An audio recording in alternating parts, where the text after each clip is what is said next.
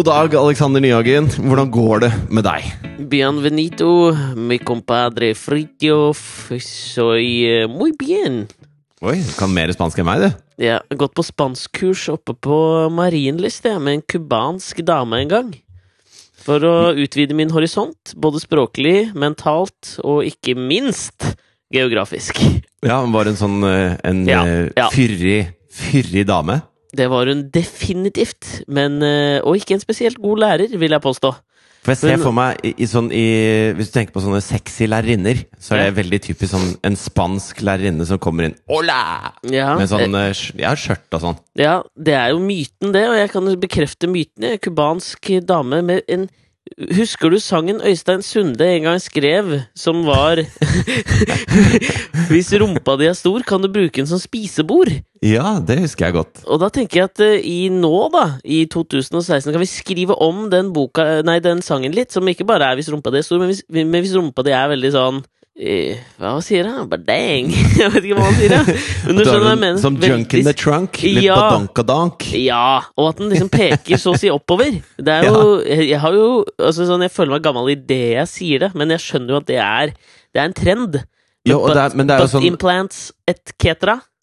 Ja, er, for målet er jo at når du står sånn Altså, dette gjelder jo ikke menn, selvfølgelig. Det ville blitt veldig rart. Men uh, når du Mm. Står med litt sånn har- svai Ikke det at vi liksom dømmer på noen kjønnelige dimensjoner her i podkasten, vi er jo helt nøytrale, vi. Ja, ja. Men når du står med veldig sånn svai i ryggen Altså, tenk deg du, da. Står med veldig svai i ryggen, Mm. Ja, og så har du et, et martiniglass med, med stett. ja Så kan du ja. sette det på den ene rumpeballen, og så står det der. ja, sånn så hun cubanske spansklæreren ut oppe på Marienlyst. Ja. Jeg er det motsatte av det. Ja, du har har en sånn lang rygg. Fra livets tre, vet du. Det er, det er bakhodet, akkurat den der lille innsenkningen i bakhodet i toppen av nakken, på en måte. Yggdrasil. Ja, Ja. livets tre. Mm. Til ankelen er det en snorrett strek. Jeg, det, jeg har ikke så mye å stille opp med sjøl, altså. Nei. Jeg har ikke det. Jeg er det, er det motsatte av Kim Kardashian på den fronten. Jo, men på så mange andre fronter så er du jo kliss lik. Er du ikke? Ja ja, vi liker å øh, øh, Jeg kommer ikke på én ting. Men du, apropos det. Du Ja. vet, de, sier at det, de sier at det å være morsom på øh, fremmedspråk er noe av det vanskeligste man gjør. ja, det er det som er- Ja. Lakmustesten på at du behersker et annet språk. ja. Jeg var morsom på spansk. Med Nei. spanjoler. Nei, var du det, eller? Og jeg kan ingenting spansk. Det er jo grunnen til at vi snakker spansk her, at jeg snakka spansk til deg, er at du befinner deg i Spania på ferie. Ja, ja. Og, Ja. og det var da vi har leid et sånt hus sammen med et, noen venner av oss. Mm. Så det er Jarle, fullt Jarle av barn og Jarle Bernhoft? Nei, ikke Jarle Bernhoft. okay. Fullt av barn og fullt av mennesker. Eh, Og så hadde vi da Så er det da en som heter PP, og kona hans, som har gjort klart huset. Eller Pep. Og Nei, han sa PP. Han sa ja, nå PP. prøvde jeg meg på litt EM-humor, jeg, da. Det ble jo masse ståhei hei ja. rundt uttalelsen av navnet til stopperen på Portugal. Tusen takk for meg. Ja, det irriterte faktisk meg også når Tom Nordli drev og sa Pep hele tiden. Ja. Jeg Men- tror det faen meg er PP, for, forresten. Ja, men eh, nok om det. Men Ja. så kommer de da eh, Eller når vi kom, så har vi uh, Nok om DC, mener du skal- ja, det er det jeg mener. Så vi bestilte at de skal lage paella til oss. Hvem Eller er de? Det er PP og kona. Ja, han dere leier av? Ja, eller han er liksom sånn caretaker. Det er, eh, det er en norsk dame som eier det huset her. Vi har leid på Airbnb, da, hvis noen lurer. Det er Jeg kjedelig men nå Men sa han, jeg det. men han har ikke en The Shining caretaker-aura, denne PP, eller? Nei, han er kjempehyggelig. Veldig okay. søt og hyggelig fyr. Ja. Eh, så de har da laget en sånn kjempepaella og handla inn en del ting, for vi kommer jo liksom seint seint på lørdag kveld, og vi trenger litt ting til kidsa og alt mulig sånn. Så de har stått på litt, da, og så kom de med, med liksom hva de har lagt ut, og hva det kosta. Men snakker vi nå, fordi paella, det er, det er min livrett. Det er veldig, veldig godt. Ja, og de hadde er- sånn gryte, nei, sånn, er- sånn ja. stekepanne som var en meter i diameter. Det er og det var riktig. helt nydelig. På grill, eller? Laga på grill? Ja, det vet jeg ikke, fordi han hadde laget PP hadde laga den hjemme, da. Sammen med kona. Han hadde det. Var det kanin, eller? Det er veldig mange som tror at det skal være kylling oppi. Skal ikke det, vet du. Det skal være en søt liten kanin som du brekker nakken på rett ved livets tre. Nei, vi hadde, vi hadde bare sjømat, da. Det var kun sjømat. Å, jeg forstår. Eh, men så kom regninga på 186 euro. Og så har jeg da tatt ut på flyplassen, ikke sant? Voksen pris, uh, syns jeg. PP! Nei, men vi, vi hadde bedt de handle masse. De hadde vært på oh, ja, okay. Mercadona og shoppa vilt, liksom. De har gjort masse, da. Eh, og Hva er den så største, hva er den største varehuskjeden i eh, Spania? Veit du det? Det tipper jeg er Carrefour. El Corte Inglés. Ok, sier du det? Ja da. Men og så gir han da 200 euro.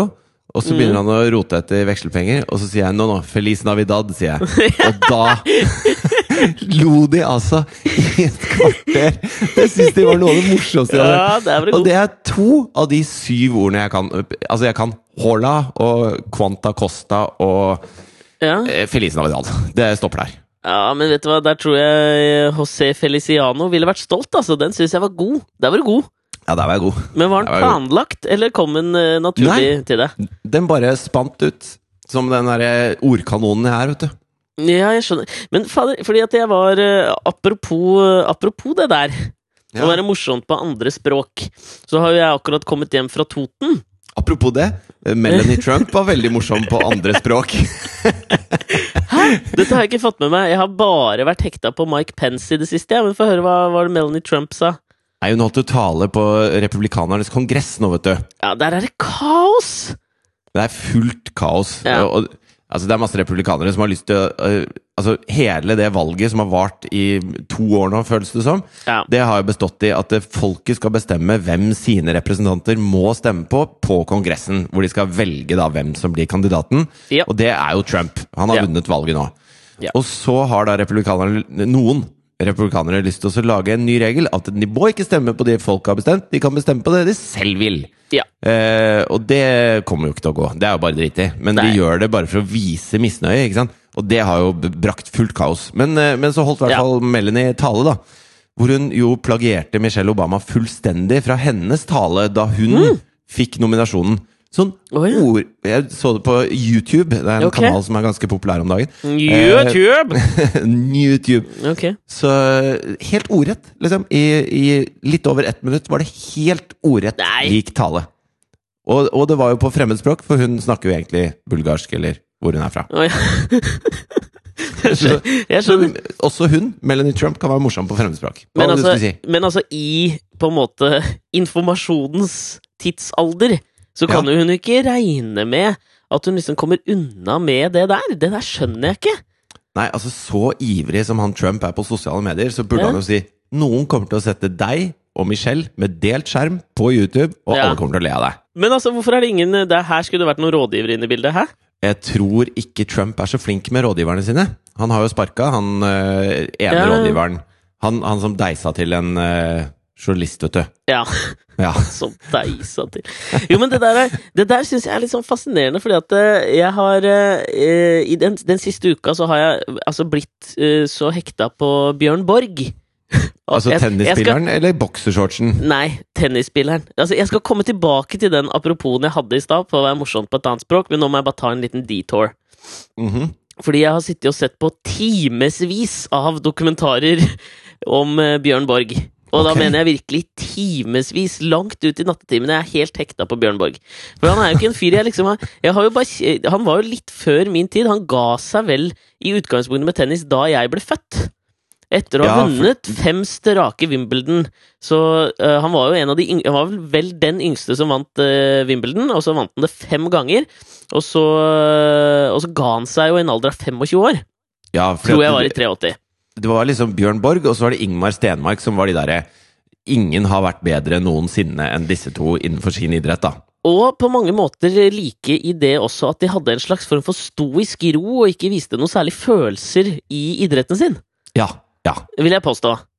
Det var ikke McEnroe, på en måte. Nei, og det var jo McEnroe eh, Bjørn Borg møtte til eh, stadighet i Wimbledon-finalen, og det var jo litt eh, Det var jo som yin og yang, ikke sant?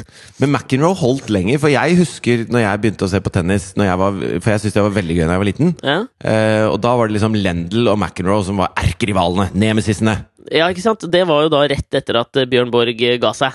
Så var Og Lendl er jo nå treneren Ivan Lendl er jo nå treneren til han britiske som nå vant Wimbledon. Som heter Murray? An Andy Murray. Andy Murray. Men Mr. Dames! Lendl var, vel, var ikke Lendl også kjent for at han holdt seg så jævla langt bak på banen og bare dunka pucken, holdt jeg på å si, over vannet? Harde, lange, flate baller. Ja, han, han var jo opphavsmannen til lange, flate baller. Ja, jeg tror det. vil jeg påstå. Ja. Men eh, hvor var jeg skulle med dette? Jo, Bjørn Borg! Eh, fordi at da eh, i denne serien av dokumentarer jeg nå har sett om Bjørn Borg, så er det jo det jeg syns er veldig gøy. Det var Er det sånn så mye å vite om han at du kan lage en dokumentarserie, liksom? Å ja! Eh, Vi kan, nå skal jeg ta bare én liten Jeg kommer til å prate om Bjørn Borg de neste månedene i denne podkasten, så la meg da ta et lite drypp nå, da. Om Ok, da er det Ukas Bjørn Borg kommer nå. Her kommer han. Eh, Bjørn Borg, etter at han la, la opp med tennis såpass tidlig, så var han jo stinn av grunker, ikke sant? Og så til slutt så bestemte han seg jo for hva det var han ville gjøre. Han ville jo bli en businessmann. Han ville starte et boxershorts-imperium Ja, altså, uten like i verdensbasis. han ville jo starte et herreklesfirma. Altså, det begynte jo med Bjørn Borg Design Group, men dette gikk jo rett på dunken. Dette kan jeg komme tilbake til i senere utgaver av Ukas Bjørn Borg, for det er ikke akkurat poenget nå. Okay. Men det som var, er veldig gøy, er jo da liksom sånn Det bildet som gikk verden rundt da Bjørn Borg liksom bestemte seg for å bli businessmann, Mm. det syns jeg var liksom veldig sånn typisk et veldig sånn typisk bilde. Det var jo da midt på, midt på 80-tallet, kanskje seint 80-tallet. Og da sitter han altså i en litt sånn Du vet de store 80-tallsdressene som var dobbeltspente og hadde veldig brede skuldre, brede skulderputer? Sånn Miami Vice-dress. Veldig Miami Vice-aktig dress. Og så sitter han selvfølgelig bak et stort mahogniskrivebord hvor det er veldig mye dokumenter på. Ja. Og så er det en stein, eh, steinvegg bak med store skiferfliser. Og så har Ja. han selvfølgelig i hånden Så kan du jo gjette da, ikke sant, hva har han? Et telefonrør. Ja, Han altså, var, en- han var en mob- opptatt business. Ja, mobi den der gamle mobiltelefonen. Du vet, den svære jævelen.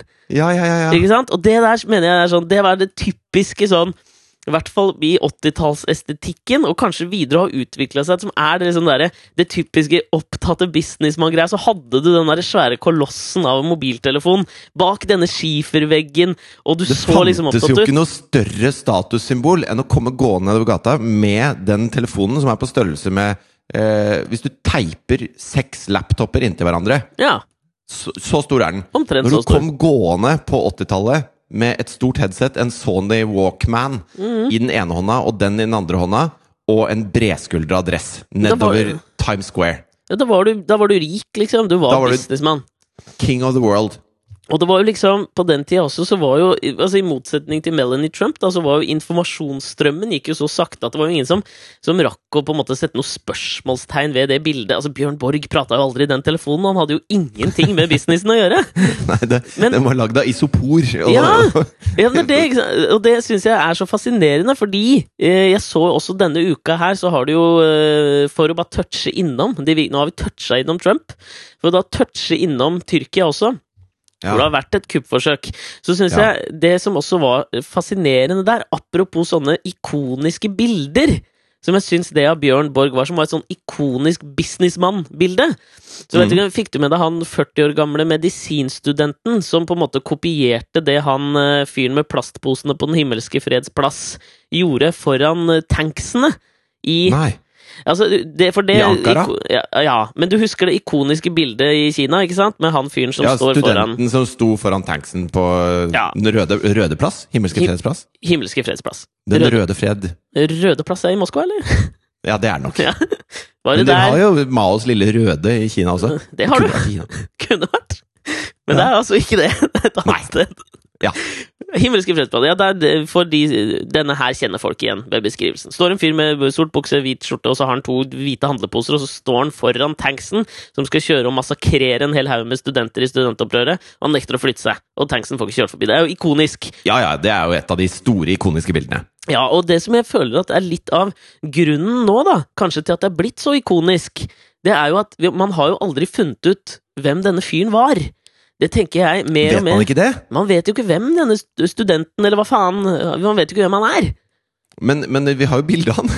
Ja, men bare bakfra. Jo, men det må da være noen flere som så det greiene der. Det er Jeg jo midt på Den himmelske freds plass. Og så tenker jeg litt sånn uh, Altså, vi, det, vi, vi uh, i Vesten Mm. spøker jo mye med at vi syns alle kinesere ser like ut.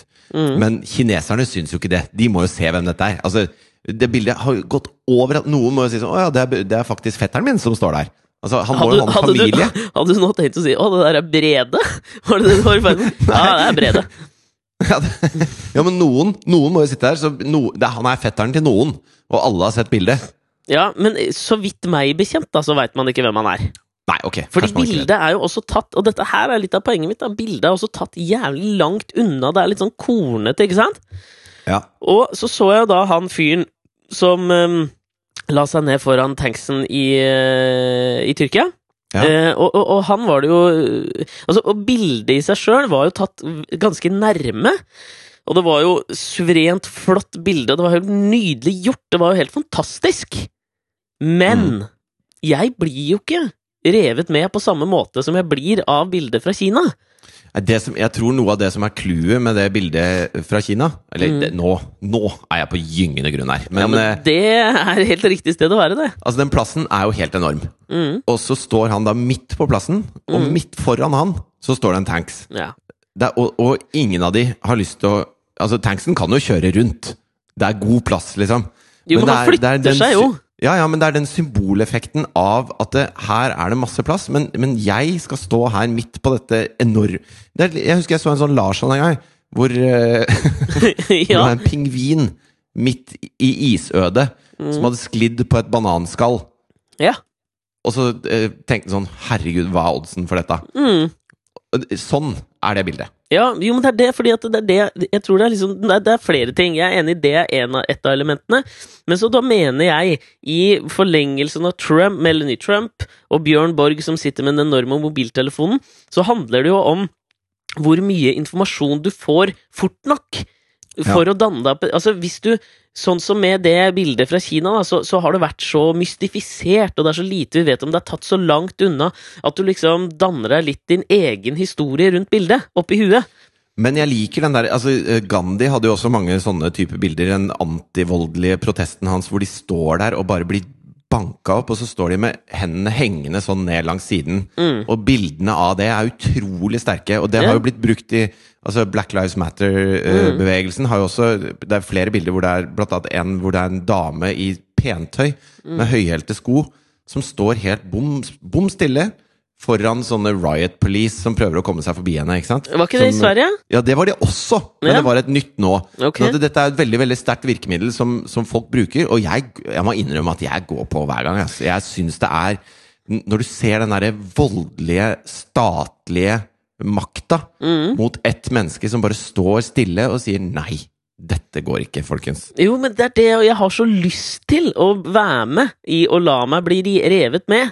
Men litt sånn som i likhet med sånn jeg ser deg her på Skypen nå, da, så ser jeg jo på en måte at du sitter i bar overkropp. Jeg ser de små hårene som stikker opp fra skuldrene dine, og det gjør jeg på den 40 år gamle medisinstudenten også. Så det blir for mange Altså sånn, Jeg lar meg ikke rive med til den grad, fordi at liksom Nummer én, han får liksom Han blir jo intervjua opp i huet og ræva etterpå, liksom.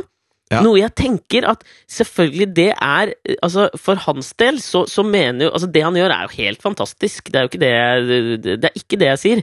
Men jeg sier at liksom Nei, nei. eh, ekkoet av bildet kommer til å vare i et nanosekund kontra bildet på Den himmelske freds plass, nettopp fordi han gjør det etterpå, at han lar seg intervjue, og at bildet er så bra og er tatt så nære at du ser håra på ryggen. Hvorfor tok han av seg til baris, for eksempel?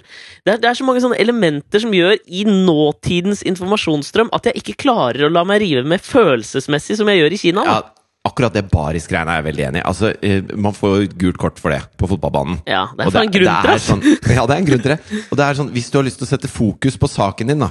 Ja. Drit i peksa dine, liksom. Ikke vis fram de. Hold, behold klærne på hvis du har fokus på saken din. Ha, ha en T-skjorte det ikke står noe på, Ja. og bare stå der. Helt enig. Men Ja. det, var, det var bare et lite mall apropos, for her kommer aproposet da, til dette her med å være morsom på, på andre språk. Ja, kan jeg bare si, Siden vi er ferdig med segmentet Ukas Bjørn Borg Ja, Fantastisk segment. Takk. Bjørn Borg hadde mobiltelefon. Jeg gleder meg til neste uke allerede. Jeg starter på topp, du går bare nedoverbakke herfra. okay.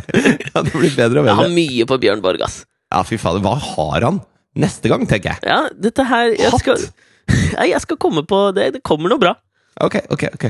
Men jeg var som sagt oppe på Toten nå, hadde litt eh, vacaciones.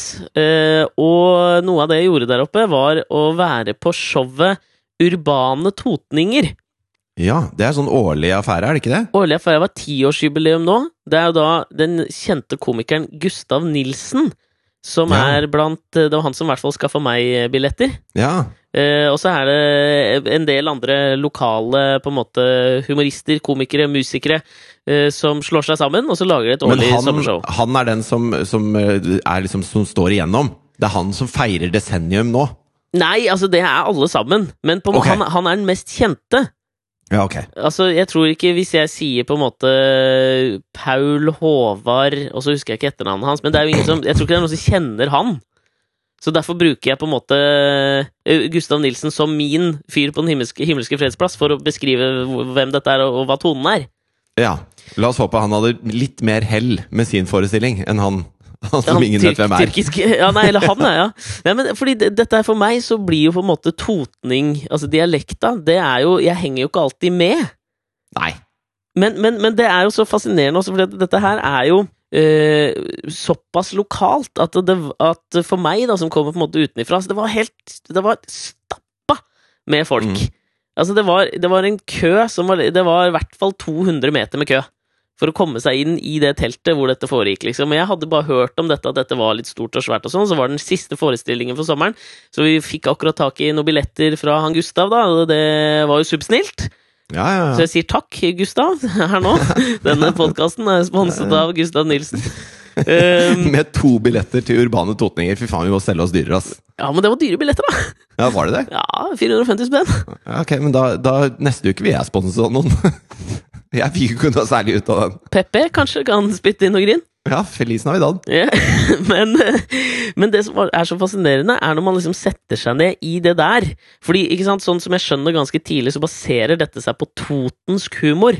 Ikke sant? Ja. Her tuller vi med bygdene som er liksom sånn Alle steder, alle konglomerat av kommuner, eller Mm. liksom småsteder, har jo det ene stedet man mobber, ikke sant?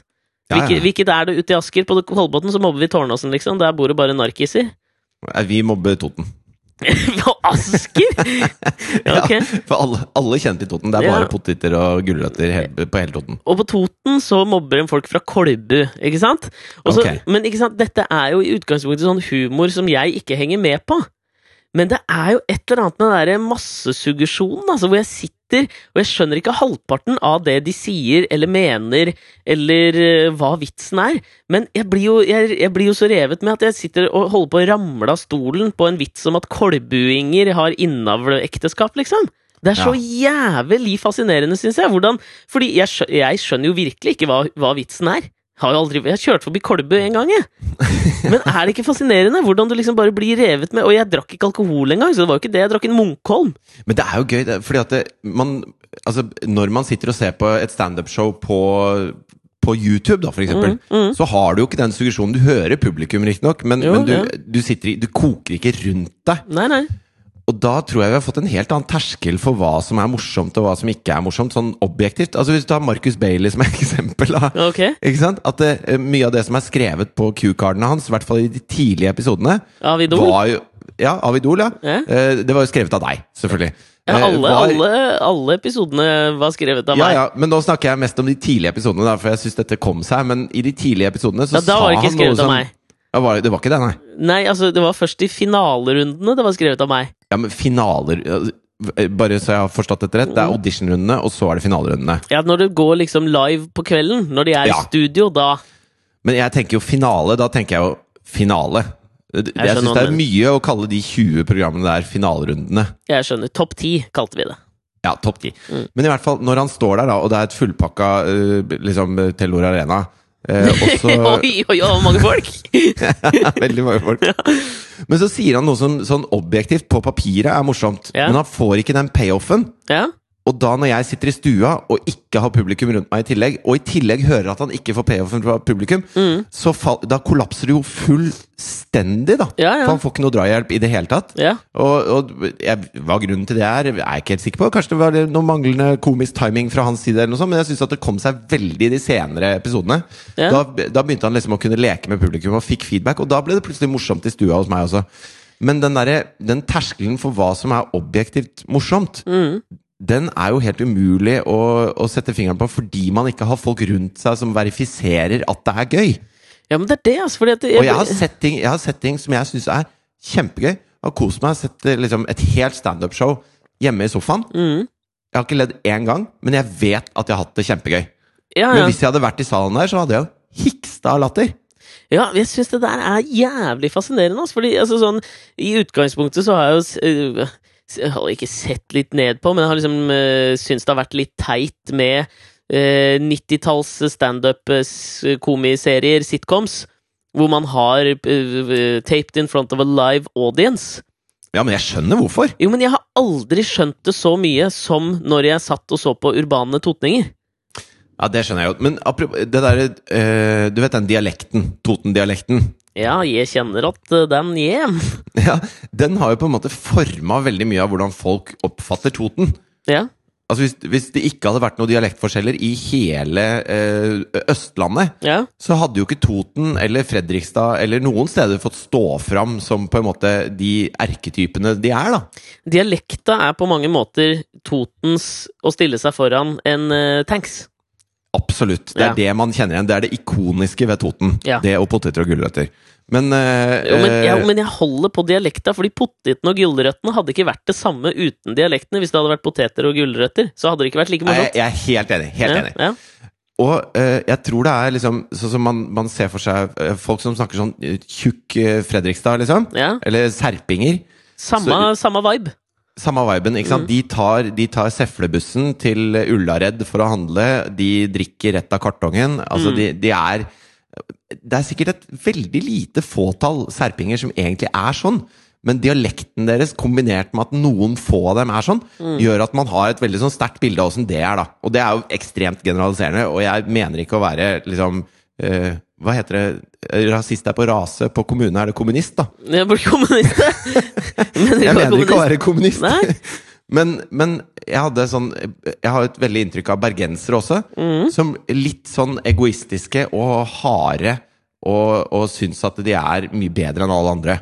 Ja, de, er våre, jeg- de er våre italienere, på en måte. Ja, jeg er litt enig, og det motsatte er jo med, med totninger. For du kan jo for eksempel ikke, Ja, ja. Være, du kan ikke være sint på totning. Nei, nei, det er ikke noe Toten-mafia som, som liksom kupper heroinmarkedet i Oslo. Det hadde aldri skjedd et kuppforsøk på Toten. Nei, det hadde det ikke. Nei. Men eh, når vi skulle fly ned hit, så, så var det til Spania, så hadde vi fløy med Norwegian, og så fikk vi da ikke sitte sammen. Og det er litt sånn dritt, da. Når du har Thea på ni og Jonathan på halvannet. Oh. Og så fikk vi tre forskjellige seter spredd over hele flyet. Ja. Og så fikk vi beskjed om at eh, eh, Katrine sitt sete, det var der Jonathan måtte sitte, for der er det to sånne uh, surstoffmasker. Ja. Så hun fikk ikke lov til å bytte sete, og det var eh, midt på en rad. Altså B-sete. ja, det suger, ass. Ja, det suger. Og Jonathan er ikke noe verdensmester i å fly. Liksom. Han, han, klikk, han har lyst til å løpe og hoppe og deise. Og Ja. ingenting av det er noe særlig populært på fly, og da begynner han å skrike av frustrasjon. da. Ja.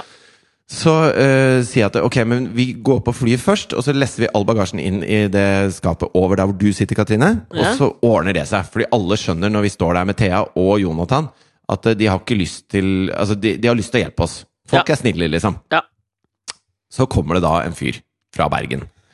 Eh, kanskje, kanskje 60 år. Mm. Herman, han Herman Friele-aura, eller? ja, Litt Herman Friele-aura. Ja. Og så kommer han Liksom sånn der derre sånn, eh, Vet du hva jeg ser for meg nå, bare? Jeg ser for meg sånn uh, silketørkle i halsen. Ja, og vaffeljakke. Ja, ja. Åh, ja. Å, Og så kommer han, så kommer han opp midtgangen, og så sier han det på bergensk. Få høre eh, på Få høre jeg, vet ikke hvor jeg skal begynne engang. si. Bergen. Ja, Nei, hvordan jeg er tror, Jeg tror det er mitt sete. Ja, det var ikke Og det var ganske bra, Ja, det synes jeg var ganske bra. Ja, Og så sier jeg ja, men uh, du skjønner det, vi har blitt spredd over hele flyet, og vi har med hun her på ni. Og hun øh, har ikke lyst til å sitte helt på andre siden av flyet. Og da eh, Thea er litt sånn Hun har sagt da 'jeg vil ikke sitte alene', jeg vil ikke sitte alene. Ja. Så hun er veldig stressa på dette her.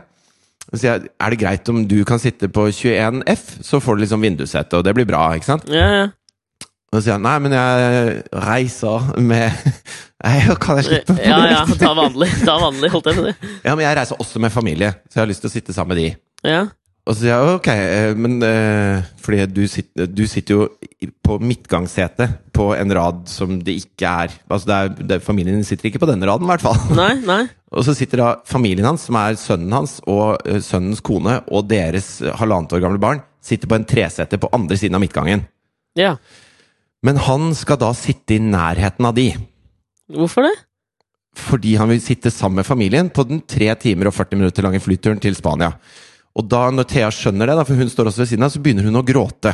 Ja. Og det er så per... så- Men altså, i alt, da, så er det jo helt perfekt at hun gjør det.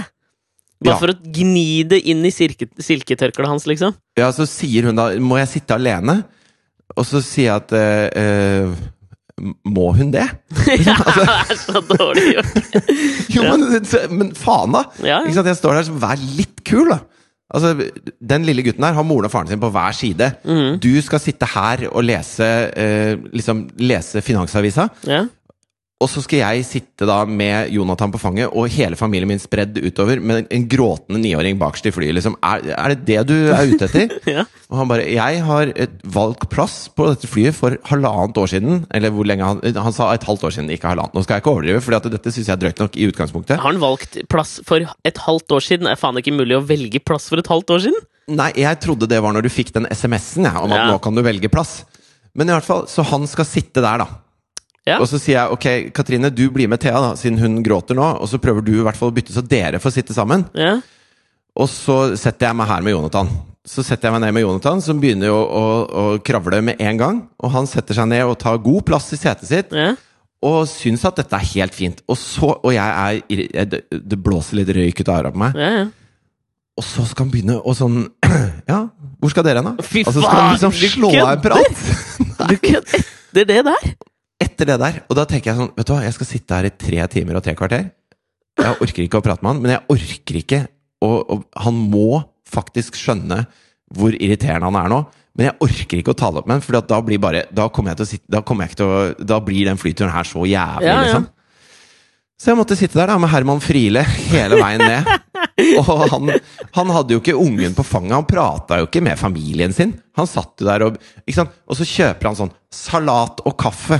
Når han sitter ved siden av meg med Jonathan som spreller, og ser på meg litt sånn irritert, og jeg bare Ja! Du kunne fått vindusplass, du! Du kunne sittet helt rolig stille og lest av Fy faen. Og det er sånne folk som gjør at jeg hater Bergen.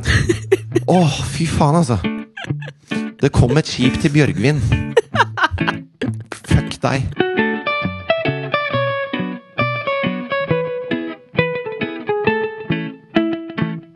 Men du, jeg har jo også opplevd en annen ting på Toten som, som er på en måte grunnen til at denne podkasten er litt forsinka. Ja.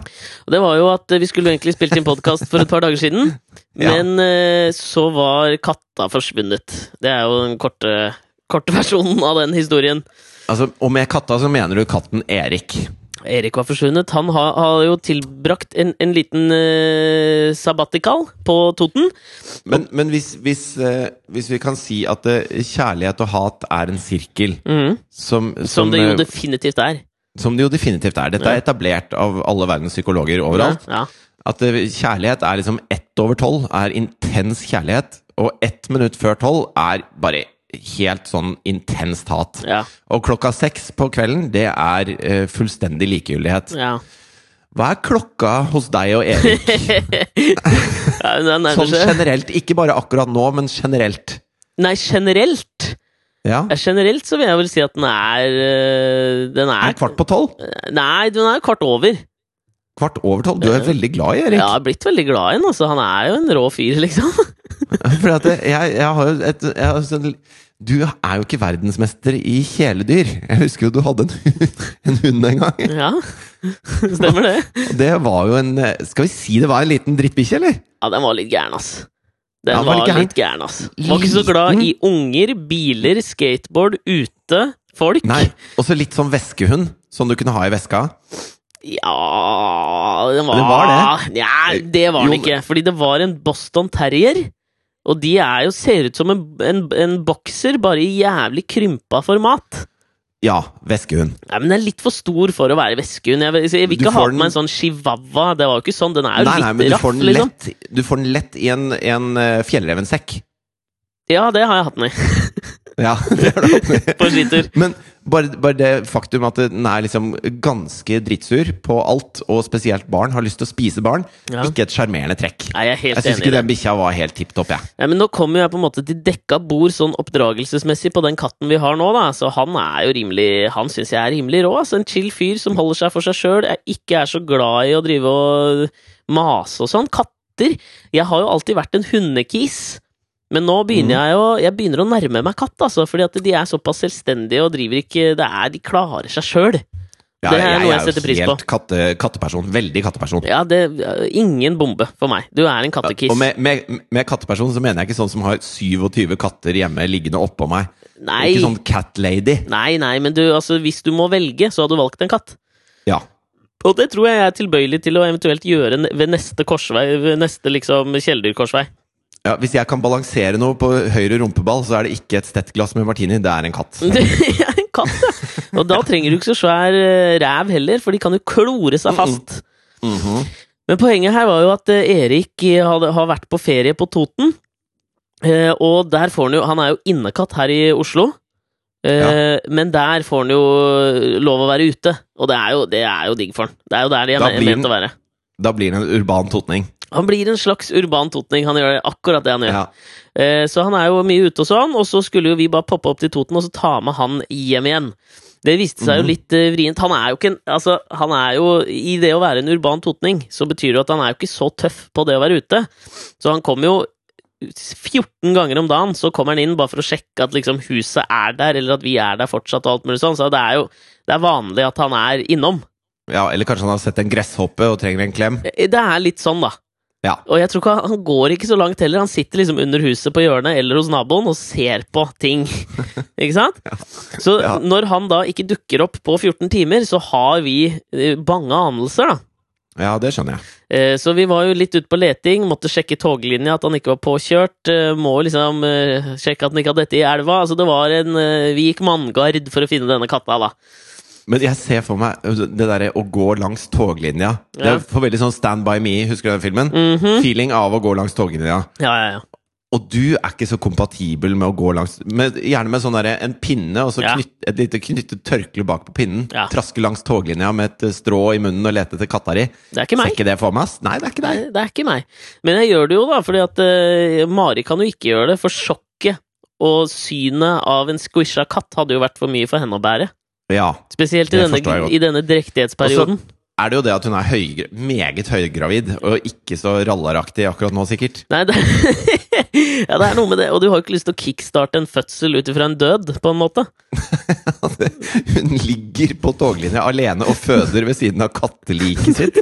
Det egner seg veldig Det er noe, dårlig. men det er jo noe full sirkel i det òg, da. Det er en røff start på ungen din sitt liv, da. Ja, men det hadde, hadde kanskje hatt godt av. Men uansett, da, så er det jo jeg som i hvert fall sjekker det. Man var jo ikke påkjørt. Men denne katta dukker jo ikke opp, vi finner den jo ikke, og går jo glipp av mange skulle i familiebursdager, og det skaper jo visse Og vi skulle jo spille inn podkast, det skaper visse etterdønninger, da. Ikke sant? Ja, det skjø- ja. Så oppi dette her, da, så tenkte jeg til slutt så kom jo han katta rekenes, da. Det var faktisk til meg han kom. Når jeg står og laster inn bilen fordi vi tenker nå gir vi opp, nå må vi dra, liksom. ja. Så vi får bare satse på at han eh, dukker opp, og så får vi dra på og hente den. Liksom. Da kommer han, vet du, snikende inn, og så sier han liksom 'hallo, fatter'n'. Eh, og så vi får tak i den til, vi får tak til slutt. Men Men er det sånn at du da uh, er forsiktig når du plukker den opp, sånn at den ikke skal stikke av igjen? Eller kaster du deg over den? Nei, jeg kan ikke plukke den opp, fordi jeg får ikke helt Jeg har ikke helt den den der teken på å holde katter, den tror jeg aldri kommer til å få meg etter min barnlige katteallergi og sånn, så har jeg aldri vært så nær katter. Så det å på en måte hanskes med han, det klarer jeg ikke. Og så du står der og sier sånn pss, pss, pss, pss, pss. Bare Akkurat sånn gjorde jeg faktisk. Akkurat sånn! Akkurat sånn gjorde jeg. Og så kommer hun høygravid. Åh, Ja. Erik! Jeg var for, det var nøyaktig sånn. Ja. Ja, men jeg ser det for meg. Sånn Jeg og ser det for meg. Jeg prøvde også å si, Fordi da var jeg på den ene siden av huset, Mens du, hun står og på den andre. holder, mens du står og holder en koffert og som du støtter opp med det ene kneet, og så tør du ikke sette den ned i tilfelle Erik skal bli redd. Ja, det er faktisk jeg, omtrent akkurat sånn. Så sier jeg sånn veldig høyt, sånn at hun skal høre på den andre siden av huset. Neimen, hei, Erik! Er du her?! eh, så, men det gikk, det gikk til slutt. Men oppi dette her så ble jo jeg litt sånn fascinert av det med dyr. Altså, jeg, jeg hadde jo litt tid til overs mens jeg satt liksom og venta på den. Altså, vi prøvde jo alle mulige eh, taktikker, ikke sant. Satt ofte og venta litt på den og sånn. Så da, da tok jeg og googla litt og prøvde å lese meg litt opp på dette her med dyr, da. Og Ja. hvordan dyr oppfører seg, fordi det har jeg liksom sjelden gjort. Og det var der jeg kom over én ting som jeg hadde lyst til å ta opp med deg. Ja. Fordi du har jo dratt den famøse Teddy Roosevelt-historien Ja. om teddybjørn. Ja. Vil du gi en kort eh, synopsis av historien? For nye lyttere? Nå, nå vet jeg hvor du skal hen. Nå vet jeg hvor du skal. Ja, ja, ja. Kort synopsis. Eh, Ja. Tysk innvandrer til New York. Eh, Teddy Roosevelt eh, trengte å skape industri, så han utlyste en oppfinnerkonkurranse Mm. eh, med hva kan produseres i New York. Og så vant eh, han Denne tyske innvandreren hadde med seg en teddybjørn som bestemoren hans hadde sydd til han i Tyskland. Og det å bruke bjørn som kjæledyr var det ingen som hadde gjort før, for bjørner var synonymt med farlig. Det er som om vi skulle hatt en, et kosedyr som var en kobraslange, for Ja. Eh, også, eh, men denne bjørnen var veldig søt, og så eh, vant han denne konkurransen. Og Teddy Roosevelt eh, eh, kom da for å liksom utrope vinneren, og han syntes at den bjørnen var så utrolig nydelig. Mm. Og han ble jo kalt for Teddy, så da ble da det kalt en teddybjørn. Men det er en konkurrerende historie ute og går, Og, den, vet jeg. og den kommer nå! Ja. For dette her stussa jeg over da jeg leste om det, fordi denne historien har jeg kjøpt med hud og hår fra deg. Og den er sann. Det kan godt være, men her kommer i hvert fall noe er i annet sant. Den er i hvert fall 50% sann. Her kommer de resterende 50. Okay. For dette leste jeg da om Teddy Roosevelt, den tidligere presidenten. Eh, den nye versjonen av teddybjørn-historien til Teddy Roosevelt. Teddy trengte en liten pause fra presidentembetet, og hver gang han gjorde det, så dro han ned til Mississippi for å dra på jakt. Og som du sier, så var jo bjørner synonymt med fare og noe skummelt, og det var jo et yndet jaktobjekt på den tiden. Alle jublet når du skjøt dem i fjeset, for da var det liksom litt tryggere å gå i skogen. Ikke sant? Og dette er grunnen til at det var så skummelt, var på den tida så var jo bare bjørner synonymt med at de drepte livestock til bønder rundt omkring i det ganske amerikanske kontinent. Litt som ulver er på Toten. Absolutt! Akkurat det samme. Jeg veit ikke om det fins noe ulv på Toten, men la oss si det. Jo, men østlandsulv? Det er jo der, det er jo der alle har lyst til å skyte dem i fjeset. Jeg jeg vil tro det. Ja. Jeg vil tro det. Jo, men Men det var der de skjøt en svensk ulvefamilie som ikke respekterte grensene, og kom over. Og svenskene klikka jo, for de prøver å bevare ulven. Så det var noen som skjøt en svensk ulvefamilie. jeg tror det, Det er mener jeg var på Kanskje Hedmarken? Kanskje. La oss si at det er 50% sant. Ja, Ja. la oss si det. Ok, så, eh, så er Teddy Roosevelt på jakt sammen med eh, jaktlaget sitt, en del kompiser, i Mississippi. Og det som skjer da, er at eh, de er ute på bjørnejakt. De har vært lenge ute, så Teddy blir litt sliten. Han går tilbake til jaktkoia for å kule den litt. Men Ja. hans eh, våpenlanger, hans håndlanger, hans personlige assistent er jo da fortsatt ute og scouter etter bjørn. Som de kan Hans skyte. Sancho Pancha. Hans Sancho Panza er ute og sjekker trøkket og ser om han kan finne noen bjørn som Teddy kan skyte. Ja. Og det han gjør, at han finner da til slutt en bjørn, og det han gjør da altså Bikkjene finner jo en bjørn, for de har jo jaktbikkjer som da corner en bjørn. Sånn Ja. at denne Sancho Panza, Teddys Sancho Panza kan komme seg opp til bjørnen, og det er en litt sånn eh, Han ser at det er en bjørn som er litt øh, Den har ikke spist på en stund, da. Så den er litt Mm. skrinn og ikke helt i, i vater. Så det han faktisk får til, er at han får kacka den med Hva heter det, det mot Kolben. kolben av rifla si. Eh, Så kakker han, og så får han faktisk bundet fast bjørnen i et tre. Ja, det høres kanskje for utrolig ut til å være sant, men han får gjort det. Foreløpig tror jeg mer på den der kosebamsehistorien. Ja, ikke si det! Men han får i hvert fall bundet fast denne bjørnen, da. Og så eh, blåser han i jakthornet for å signalisere til Teddy at nå kan du komme. Og nå fikk jeg et stygt bilde. Han får bundet fast bjørnen til et tre, og så blåser han i fløyta si. Ja, Ja, men- Videre. Ja, han blåser i jakthornet, så Teddy kan komme og få æren av å skyte bjørnen. Åh, Når jeg lukker øynene, nå, så ser jeg et bilde av en amerikansk president som sitter på knærne foran en grizzlybjørn han har bundet fast i et tre, og spiller på kjøttfløyta hans, liksom. Jeg vil ikke ha det bildet på netthinen! Det er for mye! Nei, men, nei, men altså, det er, jeg si, det er jo ikke Teddy sitter jo på koia. Oh, ja. Så det er Sancho Panza som har bundet fast, og som spiller på kjøttfløyta. Ja, For å signalisere til Teddy at nå kan du komme og få æren av å skyte av trynet til denne grizzlybjørnen. ja, Ikke sant? Jeg skjønner. Mens jeg bare bare gjør meg ferdig her nede. Ja. Teddy kommer, kommer jo selvfølgelig løpende, og Teddy skal da kommer til å med en gang.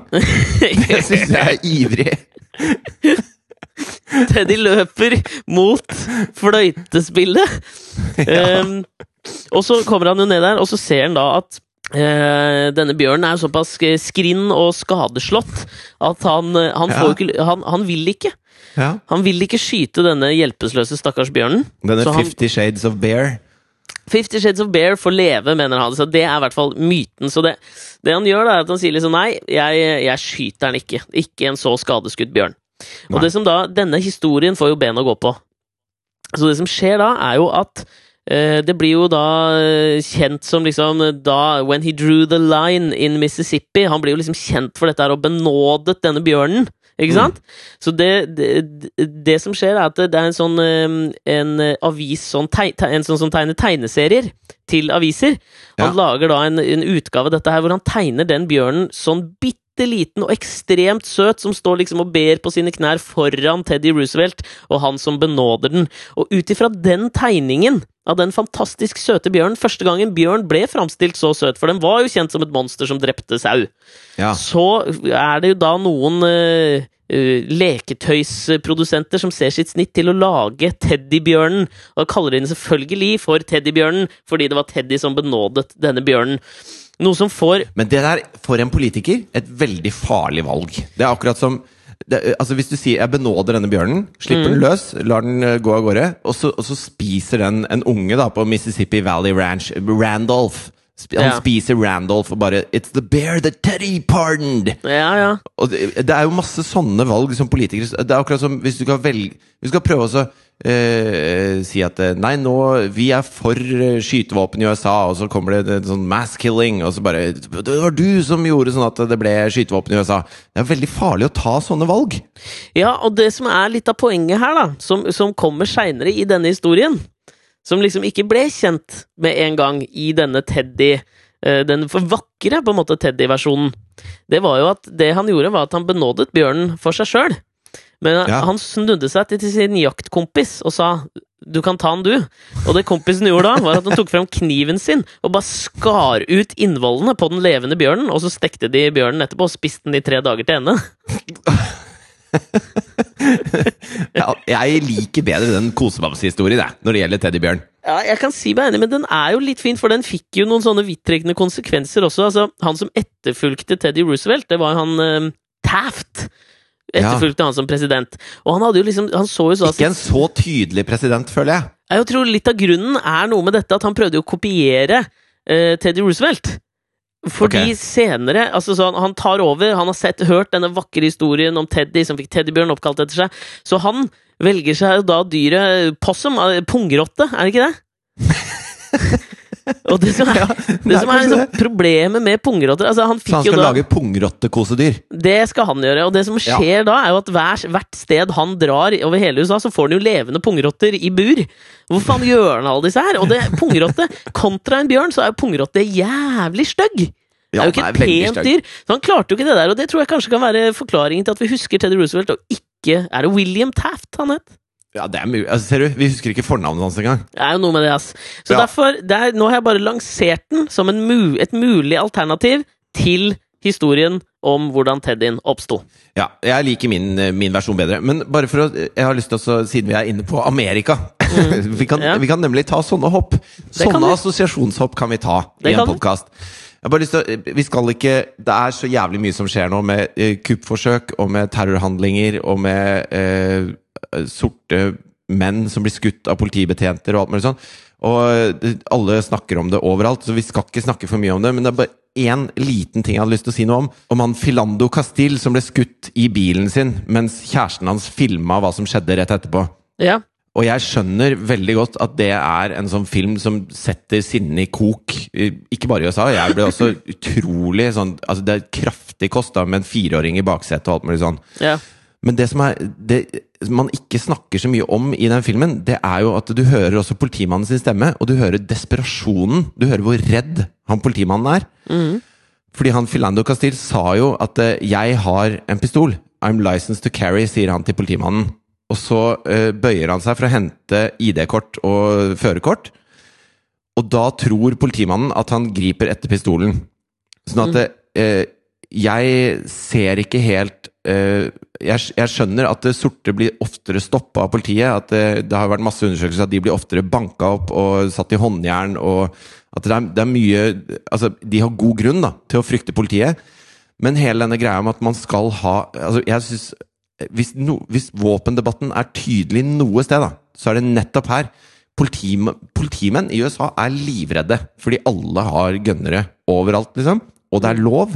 Og denne Filando Castile har tatt med seg pistolen sin når han er ute sammen med kona og sin fire år gamle datter på biltur. Og så blir han stoppa fordi de har et ødelagt uh, baklys. Og så kommer politimannen, og så sier han da til politimannen at 'jeg har en pistol'. Og det skaper da den situasjonen som ender med at han blir skutt fire ganger når han strekker seg til førerkortet mens dattera hans sitter baki. Og jeg, jeg kjenner at det, både politimannen og denne Filando Castile er fanga i et system som, som Mm. herper for begge to. Ja. Og, og jeg syns ikke Jeg synes ikke akkurat denne saken med politiet og en sort mann er så tydelig, men jeg syns at den er jævlig tydelig når det gjelder våpendebatten. Og jeg skjønner, jeg skjønner ikke, skjønner ikke, skjønner ikke. Ferdig. Nå er jeg ferdig. Jeg skal ikke si noe mer om det. Jeg skjønner ikke. Nei, men jeg, jeg er helt enig med deg, men dette var jo kanskje en fin inntreden til Things That Didn't Make The Cut denne uka. Og det kan det kanskje være. Things that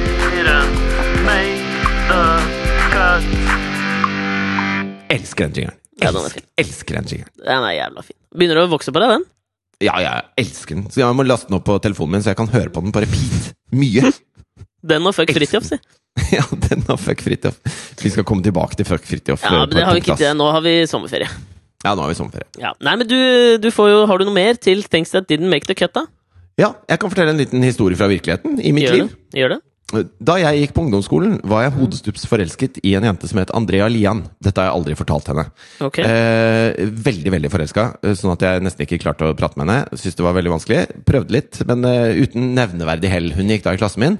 Hun har et navn som, eh, som, som gir meg et bilde i hodet av en vakker dame. Andrea Lian. Ja, ja, det er Et vakkert staselig. navn. Det er veldig Ja. staselig. Syns hun var helt nydelig, da, selvfølgelig. Og så, og så kom eh, Og så var det jo sånn på den tida, i sånn 7. klasse, eh, så var det sånn at alle ble sammen med jenter Nei, alle jentene i klassen ble sammen med gutter som var mye eldre enn deg. Så vi gutta hadde null sjanse. Det var helt fucked. Ja. Og så skjer det utrolige at i 8. klasse så får Andrea Lian seg en kjæreste. Det er selvfølgelig ikke meg. Men det er en gutt som går i syvende. Altså Hun blir sammen med en gutt som er ett år yngre enn meg. Hun er eneste som ikke blir sammen med gutter som er eldre. Hun blir sammen med gutter som er yngre. Ja. Og det irriterte jo fettet av meg. Eh, men ikke sånn at min forelskelse gikk over. Og hun var liksom den, den tapte kjærligheten på ungdomsskoletida for meg. Ja, ja, ja. Og, så kom vi hit til Benidorm. Eh, vi er rett ved Benidorm nå. ja. Hvorfor sier jeg- du sånn? Jeg vet ikke, jeg tror det er en sånn gammel komiserie hvor de sier Jikki beji beji på Benidorm. Ok. Ja, eh, Aldri sett. Uansett. En eller annen referanse jeg ikke vet hvor jeg har fra. Ja. Hadde du hatt uh, canned laughter nå, så hadde jeg ledd. Ja, men så er ute og handler på eh, Supermercado, Mercadona, Mm. yeah. eh, i Benidorm. Og der, for første gang på 15 år, så treffer jeg Andrea Lian. Jaså. Hva er oddsa? Hvordan eh, hadde hun holdt seg? Hun har holdt seg godt, men jeg merka også at min forelskelse var gått over. Det var ikke sånn at jeg bare altså jeg, jeg klarte å prate og si hei, og hun sto der med sine to kids, og vi er jo voksne nå, liksom, men, men det er veldig, veldig rart. at Men man kjente møter- du ikke liksom noe av det forgjeng... Altså forgangne våkne til liv? Bare en liten følelse om at ja, det kunne vært godt. Skal jeg fortelle deg en, en ting? Som, Ja. En ting som er akkurat det. Ja. Som var veldig sånn pinlig at jeg kjente på akkurat da.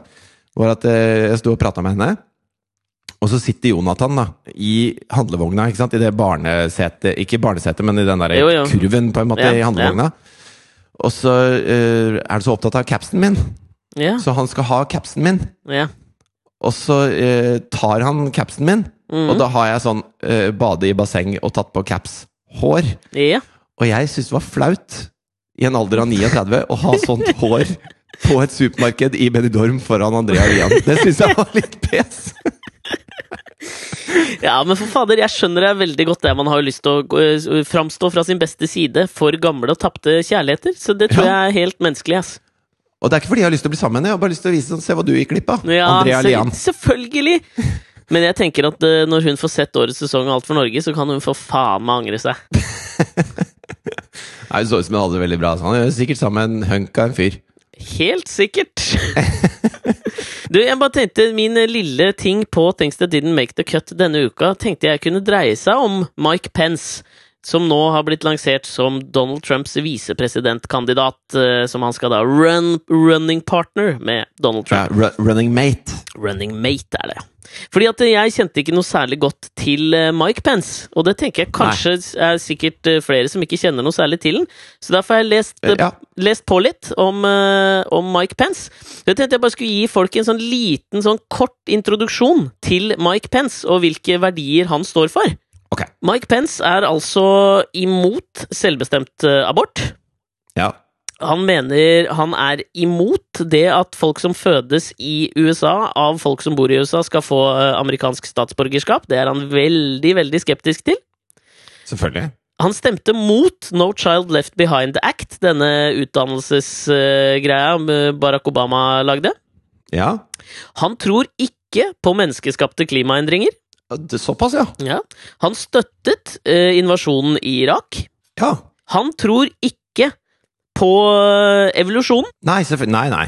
Jeg kan gi deg et lite sitat som han uh, har gitt. I Ja. believe with all my heart that God created the heavens and the earth, the seas and all that's in them. How he did that, I'll ask him about someday. Ja. Han tror ikke at tobakk er skadelig. Eh, ja. Men på en eller annen måte så henger det på greip med alt det andre du har sagt. ja, er du gæren? Eh, han mener selvfølgelig ikke at homofile skal få gifte seg. Ei heller Nei, nei. mener han at de skal få lov å inngå partnerskap. Ja, ja. Eh, han, eh, han stemte jo selvfølgelig da mot det å øke eh, hva er minimum wage, altså minstelønna i eh, USA. Ja. Den ville han gjerne Den- holde nede på fem dollar, ikke opp til sju og noe. mer, mer enn høy nok. Mer enn høy nok, mente Mike Pence. Han er jo selvfølgelig rimelig pro gens, så han Ja, stemte jo da i 98 så stemte han mot eller stemte han for en lov som gjorde det vanskeligere å, å anmelde og altså opprette sak mot folk som selger pistoler og ammunisjon. Ja. Eh, han er selvfølgelig ikke for at narkomane skal få reine sprøyter, altså sånne nålutve... Hva heter det for noe? Needle exchange programs, har jeg lest om, bare. Ikke sant? Du vet når man kan få gå inn og bytte inn uh, skitne med reine. Med reine. Det mener han selvfølgelig ikke er greit. Jeg kan ikke pante sprøyter. Og så, bare som en liten sånn artig krydder på toppen, da, så prøvde han uh, for et år siden å starte en uh, sånn egen nyhetstjeneste. Han har jo selvfølgelig mm. jobba som i sin tid Han var jo guvernør i Indiana. Eh, og før det så jobbet han som en sånn eh, radiohost på en sånn Indiana radiostasjon. Og han kalte seg Kristenkonservativ talk radio, tenker jeg. det var nettopp det. Han kalte seg en eh, eh, Rush Limbo on decaf. Altså en litt roligere versjon av Rush Limbo, som vi har prata om mange Ja. ganger i denne podkasten. Ja. Men så, og det, med det in mente syns jeg det er fascinerende at han prøvde å starte da liksom et nyhetsbyrå som han kalte Just In. Og dette skulle da ikke være et vanlig nyhetsbyrå med journalister og alt mulig. Det skulle være da politiske rådgivere og, og, og sekretærer som da skrev nyheter som de ville ha ut. Som Å, da skulle vært bare sånn tatt for god fisk, da. Og dette her fikk jo selvfølgelig eh, amerikanske nyhetsbyråer til å sette likhetstegn mellom Russland, Kina, Nord-Korea alt mulig, ikke sant? Og det er jo helt Ja, ja. riktig! Så han fikk Ja, ja. jo da ikke oppretta dette Just In-nyhetsbyrået sitt. Og dette var bare noe av eh, det lille eh, herlige potpurrien som er da Mike Pence. Eh, Donald Trumps running mate. Og da, hvis vi har det nå i eh, bakhodet når vi da går inn i denne valgkampen, så syns jeg det er en litt fin ting å bare huske på. Sånn i, i innspurten nå til valget i USA. Ja, og hvis det fins noen eh, 16 år gamle politiske aktive unge mennesker som tenker kanskje jeg skal lage mitt eget parti en gang, så vil jeg anbefale å kalle det Not Mike Pence. Og bare gjøre det motsatte av alt Mike Pence sier til enhver tid. Da kommer jeg til å stemme på deg. Helt enig! Og da tenker jeg også at eh, med de ordene så kan vi avslutte denne ukas podkast, for nå hører jeg deg så jævlig dårlig på denne skypen uten bilde. Ja, og da kan jeg driste meg ut på fremmedspråk og si ha det. Jeg er ikke helt sikker på om dette stemmer, men hasta luego. Hasta luego! Baby, let me be your love teddy back. put a chain around my neck lead me anywhere. Let me be. Oh, let him be. Teddy bear.